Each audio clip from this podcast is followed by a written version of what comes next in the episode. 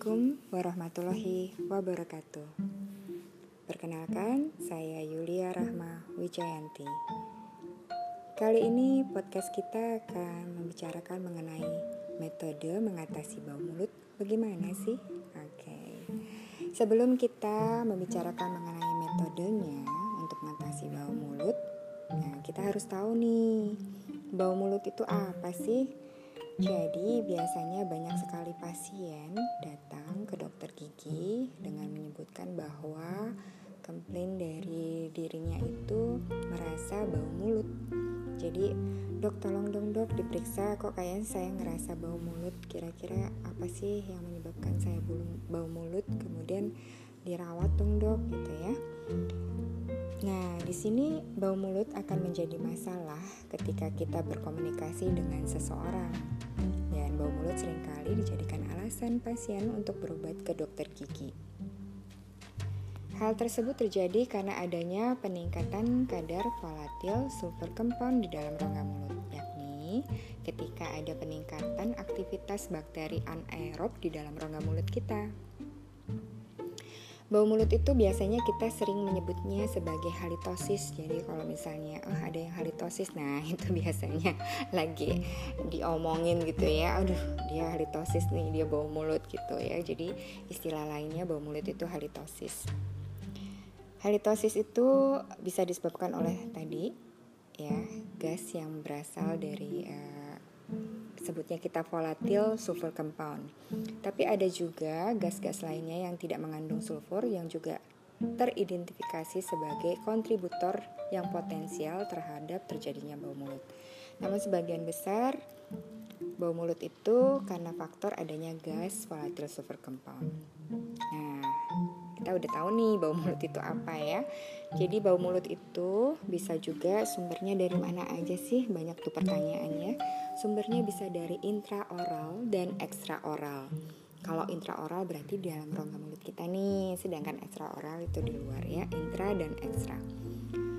Namun 90% dari semua bau mulut berasal dari mulut itu sendiri biasanya. Jadi kita harus tahu nih di dalam rongga mulut kita ada apa aja ya.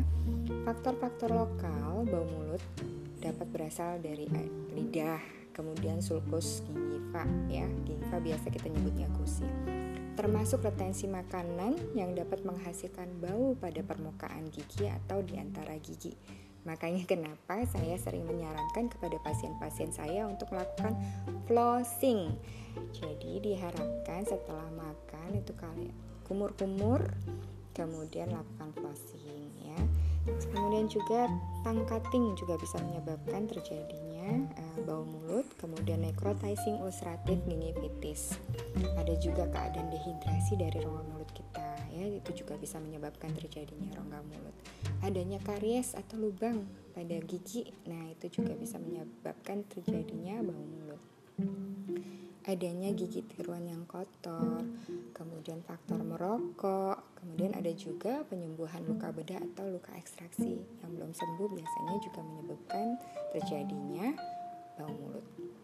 Nah, itu adalah contoh-contoh bau mulut yang berasal dari sumbernya yang di dalam rongga mulut intraoral. Sedangkan sumber ekstraoral yang dapat menimbulkan bau mulut antara lain berasal dari berbagai infeksi atau lesi traktus respiratorius. Contohnya apa? Contohnya bronkitis, pneumonia dan lain sebagainya. Ya. Dan dapat juga uh, karena bau yang diekskresikan melalui paru-paru dari substansi aromatik dalam aliran darah. Ya. Kemudian juga nafas dari peminum alkohol itu juga bisa menyebabkan terjadinya bau mulut. Bau aseton dari penderita diabetes mellitus.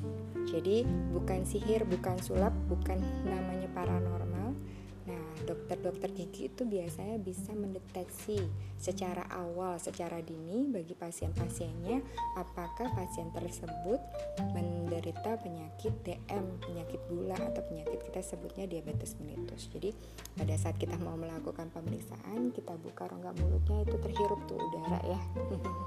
Baunya seperti aseton, jadi kecenderungan kita uh, curiga bahwa pasien itu menderita DM atau penyakit gula.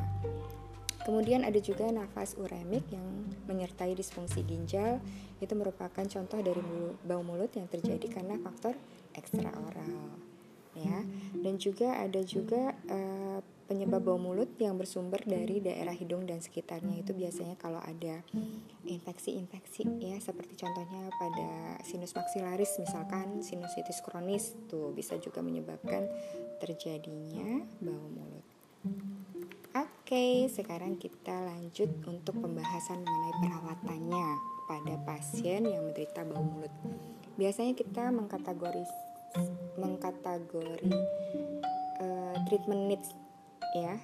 Perawatan pada mulut bau mulut itu menjadi lima kategori. Ada treatment needs 1, 2, 3, 4, dan 5 nah satu itu apa sih?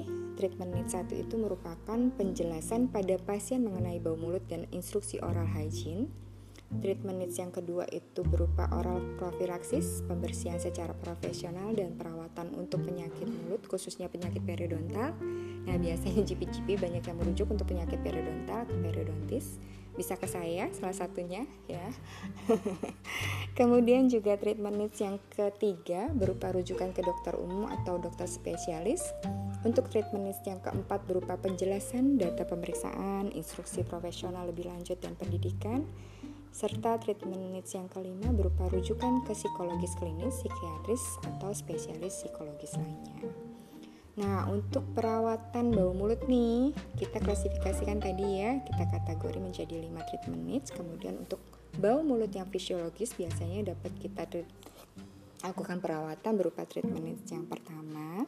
Untuk bau mulut patologis oral dapat kita berikan treatment yang pertama dan kedua dan untuk sirup bau mulut dapat berupa treatment pertama dan keempat ya yang merupakan tanggung jawab dokter gigi pastinya.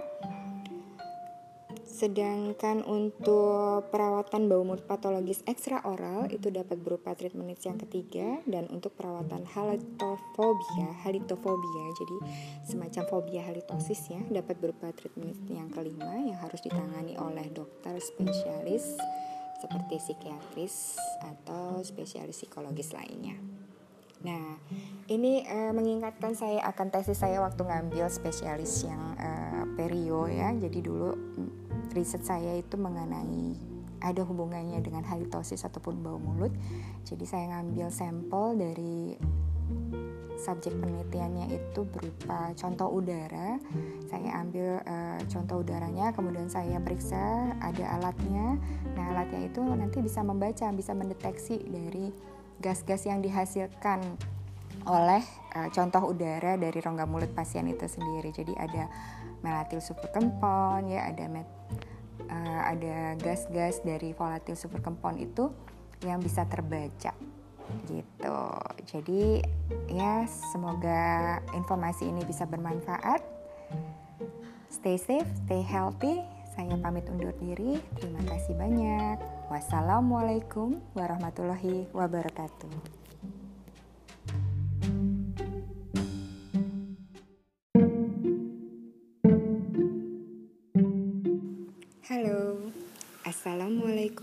Warahmatullahi wabarakatuh.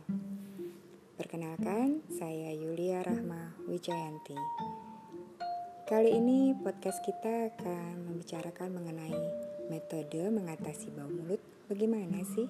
Oke. Okay. Sebelum kita membicarakan mengenai metodenya untuk mengatasi bau mulut, nah kita harus tahu nih, bau mulut itu apa sih?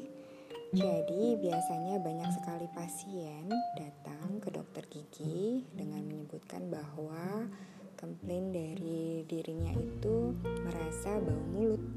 Jadi, dok tolong dong dok diperiksa kok kayaknya saya ngerasa bau mulut. Kira-kira apa sih yang menyebabkan saya bau mulut? Kemudian dirawat dong dok gitu ya. Nah, di sini bau mulut akan menjadi masalah ketika kita berkomunikasi dengan seseorang. Bau mulut sering kali dijadikan alasan pasien untuk berobat ke dokter gigi. Hal tersebut terjadi karena adanya peningkatan kadar volatil sulfur compound di dalam rongga mulut, yakni ketika ada peningkatan aktivitas bakteri anaerob di dalam rongga mulut kita. Bau mulut itu biasanya kita sering menyebutnya sebagai halitosis. Jadi kalau misalnya oh ada yang halitosis, nah itu biasanya lagi diomongin gitu ya. Aduh, dia halitosis nih, dia bau mulut gitu ya. Jadi istilah lainnya bau mulut itu halitosis. Halitosis itu bisa disebabkan oleh tadi ya, gas yang berasal dari uh, sebutnya kita volatil sulfur compound. Tapi ada juga gas-gas lainnya yang tidak mengandung sulfur yang juga teridentifikasi sebagai kontributor yang potensial terhadap terjadinya bau mulut. Namun sebagian besar bau mulut itu karena faktor adanya gas volatil sulfur compound. Nah, kita udah tahu nih bau mulut itu apa ya. Jadi bau mulut itu bisa juga sumbernya dari mana aja sih? Banyak tuh pertanyaannya. Sumbernya bisa dari intraoral dan ekstraoral. Kalau intraoral berarti di dalam rongga mulut kita nih, sedangkan ekstraoral itu di luar ya, intra dan ekstra. Namun 90% dari semua bau mulut berasal dari mulut itu sendiri biasanya. Jadi kita harus tahu nih di dalam rongga mulut kita ada apa aja ya. Faktor-faktor lokal bau mulut dapat berasal dari lidah, kemudian sulcus gingiva ya. Gingiva biasa kita nyebutnya gusi. Termasuk retensi makanan yang dapat menghasilkan bau pada permukaan gigi atau di antara gigi Makanya kenapa saya sering menyarankan kepada pasien-pasien saya untuk melakukan flossing. Jadi diharapkan setelah makan itu kalian kumur-kumur kemudian lakukan flossing ya. Kemudian juga tangkating juga bisa menyebabkan terjadinya uh, bau mulut, kemudian necrotizing ulcerative gingivitis. Ada juga keadaan dehidrasi dari rongga mulut kita ya, itu juga bisa menyebabkan terjadinya rongga mulut adanya karies atau lubang pada gigi. Nah, itu juga bisa menyebabkan terjadinya bau mulut. Adanya gigi tiruan yang kotor, kemudian faktor merokok, kemudian ada juga penyembuhan luka bedah atau luka ekstraksi yang belum sembuh biasanya juga menyebabkan terjadinya bau mulut. Nah, itu adalah contoh-contoh bau mulut yang berasal dari sumbernya yang di dalam rongga mulut intraoral. Sedangkan sumber ekstraoral yang dapat menimbulkan bau mulut antara lain berasal dari berbagai infeksi atau lesi traktus respiratorius. Contohnya apa? Contohnya bronkitis, pneumonia dan lain sebagainya. Ya. Dan dapat juga uh, karena bau yang diekskresikan melalui paru-paru dari substansi aromatik dalam aliran darah. Ya.